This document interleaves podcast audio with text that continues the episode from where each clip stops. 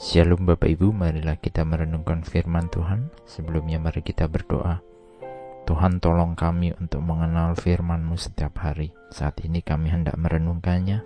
Di dalam Tuhan Yesus kami berdoa. Amin. Bacaan saat ini diambil dari Nehemia 9 ayat 31. Nehemia 9 ayat 31.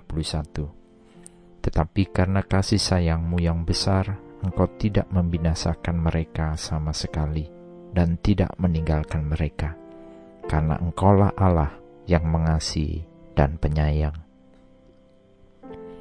Di dalam semua pergumulan kehidupan kita di dunia, mungkin kita pernah merasakan seolah kita sendirian.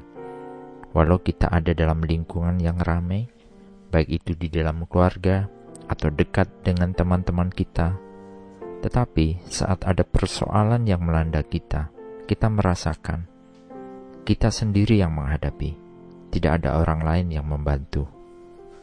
Bahkan mungkin kita merasa sudah berdoa mengadu kepada Tuhan, tetapi kita merasakan tidak ada jawaban. Kita merasakan upaya yang sia-sia.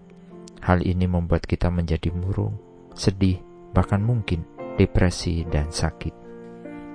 Bukankah saat pandemi seperti saat ini, pergumulan sepanjang ini kita rasakan? Problema kita bawa kepada Tuhan, dan kita memerlukan jawaban dan pertolongan Tuhan. Apakah Tuhan melupakan kita? Apakah Tuhan mengabaikan orang yang mencari Dia? Di dalam kisah bacaan saat ini, didasari kisah Nehemia dengan orang Israel Orang Israel telah beberapa kali tidak setia kepada Tuhan, tetapi Tuhan tetap setia kepada bangsa ini. Kadang Tuhan menghukum bangsa Israel dengan membiarkan bangsa lain menaklukkan, bahkan mereka menawan. Namun, Tuhan tidak pernah meninggalkan mereka dan selalu turun tangan untuk menyelamatkan mereka dari kehancuran.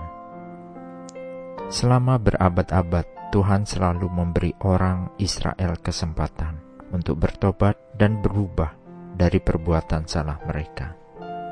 Walau perbuatan mereka menduakan Tuhan, semisal menyembah dewa dan ilah lain. Kita harus terus memeriksa diri kita sendiri dan menyadari bahwa Tuhan juga telah memberikan kesempatan kepada semua umat manusia dengan mengirimkan Yesus ke dunia untuk mati di kayu salib demi keselamatan kita.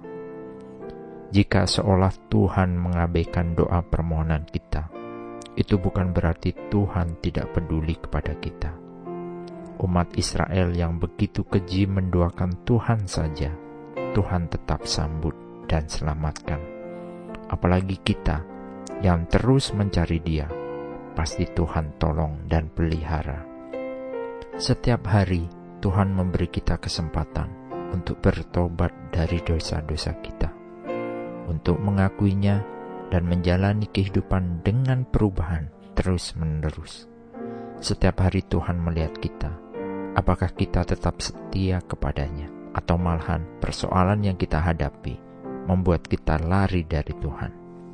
Tuhan dapat menggunakan persoalan untuk membawa pemulihan spiritual dalam diri kita kita bisa menjadi contoh orang Kristen yang setia dan ingat untuk menepati perjanjian kita dengan Tuhan.